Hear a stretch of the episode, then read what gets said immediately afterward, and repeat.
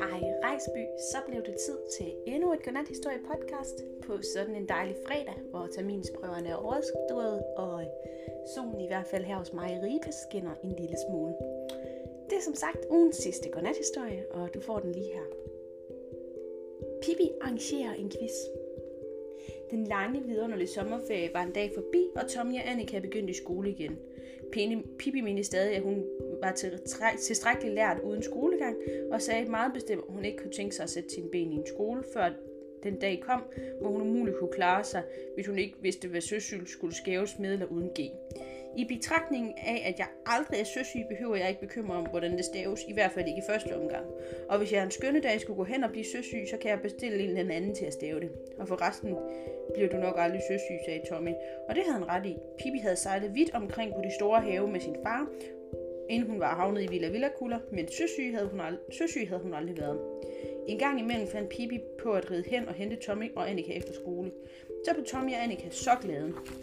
De elskede at ride, og der er sandelig ikke mange børn, der rider hjem fra skolen. Du, Pippi, kom og hent os i eftermiddag, sagde Tommy en dag, da han, Annika skulle skynde sig tilbage til skolen efter spisefrikvarteret.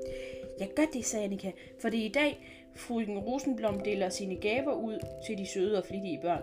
Frøken Rosenblom var en rig gammel dame, der boede i den lille by. Hun passede ellers godt på sine penge, men en gang om året var hun alligevel hen forbi skolen og delte gaver ud til skolebørnene ikke til alle børnene, nej, kun til de meget artige og flittige børn. De fik gaver. For frøken Rosenblom skulle kunne finde ud af, hvilken der børn, der var virkelig artige og flittige, så hørte hun dem i deres lektier, inden gaverne blev delt ud. Og derpå leverede alle børn, eller derpå levede alle børn i den lille by i evig skræk for hende.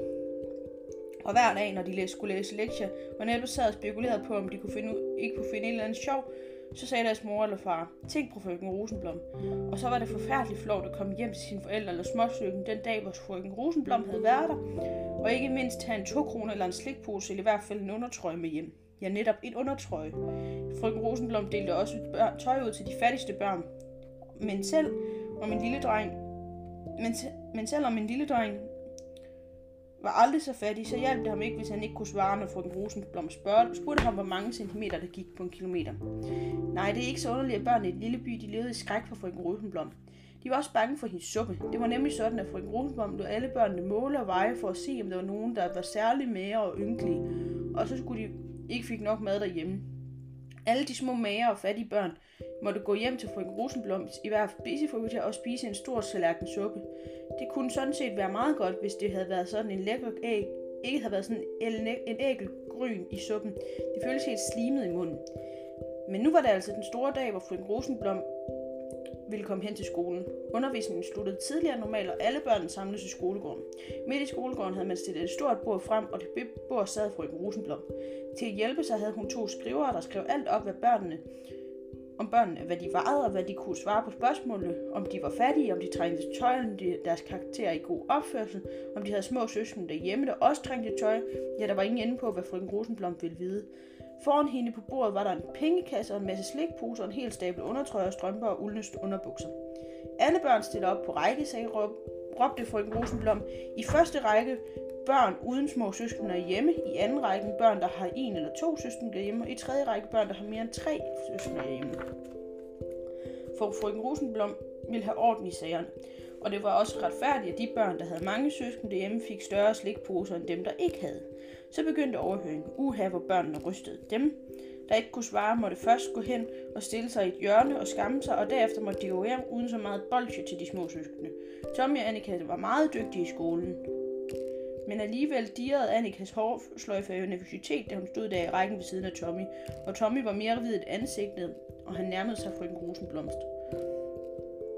Netop da det var hans tur til at svare, opstod der pludselig uro i rækken på børn uden tyskene. Der var en, der masede sig frem mellem alle børnene, og der var ingen andre end Pibi. Hun skubbede børnene til siden og gik hen, direkte hen til frøken Rosenblomst. Undskyld, jeg ikke var her fra begyndelsen, sagde hun. I hvilken række skal man stå, hvis man har 14 søsken, hvorfor 13 er, små, er meget små vandartede, vandartede drenge? Frøken Rosenblomst så meget bisligende ud. Du kan blive stående, hvor du står indtil videre. Men jeg vil næsten tro, du skal flyttes over i rækken af børn, der skal stå og skamme sig, sammen. Og så måtte skriveren notere Pipis navn, og hun blev vejet, for man kunne se, om hun trængte til suppe, og hun vejede to kilo for meget til det. Suppe får du ikke noget af, sagde frøken Rosenblom. Nogle gange får man lov at være heldig, sagde Pippi. Nu glæder, gælder det bare om at, at klare sig fri af undertrøjen og de uldne underbukser, så er man lånet lettet op. Frøken Rosenblom hørte ikke på hende. Hun sad alene i regning, retskrivningsordbogen efter det svære ord, Pippi skulle til at stave. Hør her, pip, min pige. Vil du fortælle mig, hvordan man staver til søsyge? Heller end gerne, sagde Pippi. S-Ø-D-S-Y. Frøken Rosenblom smilede syrligt. Ja, sagde hun. Retstavningsordbogen staver det på en anden måde. Så er det jo smadret heldigt, at du vil vide, hvordan jeg staver det, sagde Pippi. S-Ø-D-S-Y. Det er den måde, jeg altid har stadig det på, og det har jeg haft stor glæde af. Skriv det op, sagde frøken Rosenblom til skriveren og knip bistret munden sammen. Ja, gør det, sagde Pippi. Skriv endelig din fine stavemåde op, og sørg for, at den plads straks bliver rettet i retskrivningsordbogen. Nå, min pige, svar mig på det her. Hvornår døde Karl den 12. Nej, er han nu også død? Jamen, det er da skrækkeligt med alle de mennesker, der stiller skrætskruen for tiden. Jeg er sikker på, at det aldrig var sket, hvis han havde holdt sig tør om fødderne. Skriv det op, sagde frøken Rosenblom med isende stemme. Jeg gør det endelig, sagde Pippi, og skriv, at, at det er godt med blodiler på kroppen. Om, så bør man drikke varm petroleum inden sengetid. Det kvikker op. Frøken Rosenblom rystede på hovedet. Hvorfor har hesten stribede kindtænder, spurgte hun. Jamen, er du sikker på, at den har? Han har det, sagde Pippi tvivlende. Du kan forresten selv spørge ham selv, han står derhenne, sagde hun og fortsatte, og pegede mod sin hest, der var bundet til et træ. Hun lå hjerteligt. Hvor er det heldigt, at du hesten med. Ellers havde du militanten aldrig fået at vide, hvorfor han har stribet kendsanser. For jeg ved oprigtigt talt ikke, hvorfor han, ikke, hvorfor han har det. Og jeg vil heller ikke påstå, at det interesserer mig. Frøken Rosenbloms mund blev mere og mere tynd, som en tynd streg. Det her er uhørt, sagde hun. Aldeles uhørt. Ja, det synes jeg også, sagde Pippi utilfreds. Fortsætter jeg med at være så dygtig, så må jeg nok undgå så nok ikke undgå at få et par lyse, lyserøde uldbukser. Skriv det op, sagde frøken Rosenblom til skriveren. Nej, det behøver jeg ikke, sagde Pippi. Jeg er faktisk ikke så vild med lyserøde, uld, lyserøde uldbukser. Det var ikke på den måde, jeg mente det.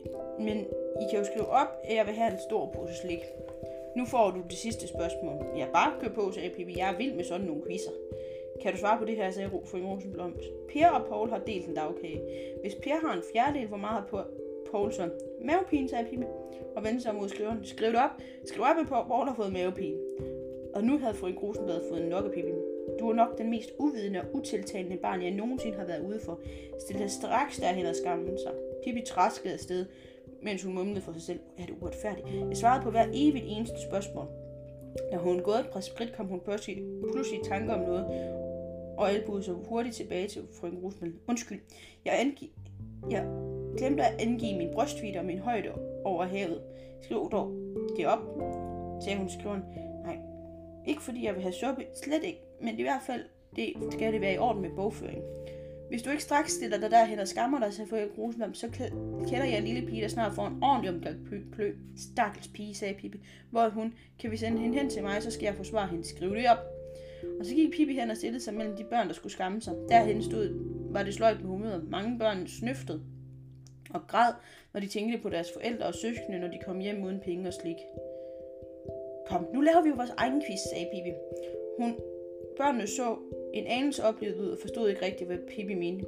Stil jer i to rækker. Alle dem, der ved, hvornår Karl den 12. døde, stiller sig i den ene række, og dem, der ikke har hørt, at han er død, stiller sig i den anden række. Eftersom alle børnene vidste, at Karl den 12. Det var død, bliver det kun én række. Det her duer ikke, sagde Pippi.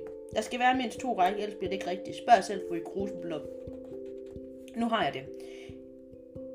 Alle, der er fuldt uddannede møgunger, stiller sig i en række, og hvem skal så stå i den anden række, spurgte den lille pige ivrigt, da hun ville gå. Hun var ikke nogen møgunger. I den anden række stiller vi dem, der ikke endnu er fuldt uddannede møgunger. Henne ved frøken Rosenblads bord blev overhovedet i fuld gang, og af til kom der en lille grædefærdig person til resten hen til Pippis flok. Og nu kommer det svære, sagde Pippi. Nu skal vi se, om I har læst ordentligt på jeres lektie. Hun vendte sig mod en lille mager dreng med blå skjorte. Du, sig en, der er død. Drengen så lidt forbavset ud. Men så sagde han, gamle fru Petersen nummer 57. Siger man det, sagde Pippi. Kender du, kender du flere? Nej, det gjorde drengen ikke. Så sagde det Pippi hænderne, som en træk fra miskede højlydt. Karl den 12. selvfølgelig. Bagefter spurgte Pippi om alle børnene efter tur, om de kendte nogen, der var død, og de svarede altså en gammel fru Petersen nummer 57 og Karl den 12. Det her forhør går over al forventning, sagde Pippi. Nu skal jeg bare spørge om en ting mere. Hvis Per og Paul skal dele en lavkage, og Per absolut ikke vil have noget, men sætter sig hen i en krog og gumler på en lille knæstyr fjerdedel, hvem bliver så nødt til at ofre sig og putte hele kagen i munden? Paul. Måske tro, der findes dygtigere børn end jer end andre, andre steder. Nu kan I gå hjem med jeres belønning. Og op af lommen led Pippi en hel masse guldpenge, og børnene fik en guldmønt hver. Hvert barn fik også en stor pose slik, som Pippi tog op i sin rygsæk.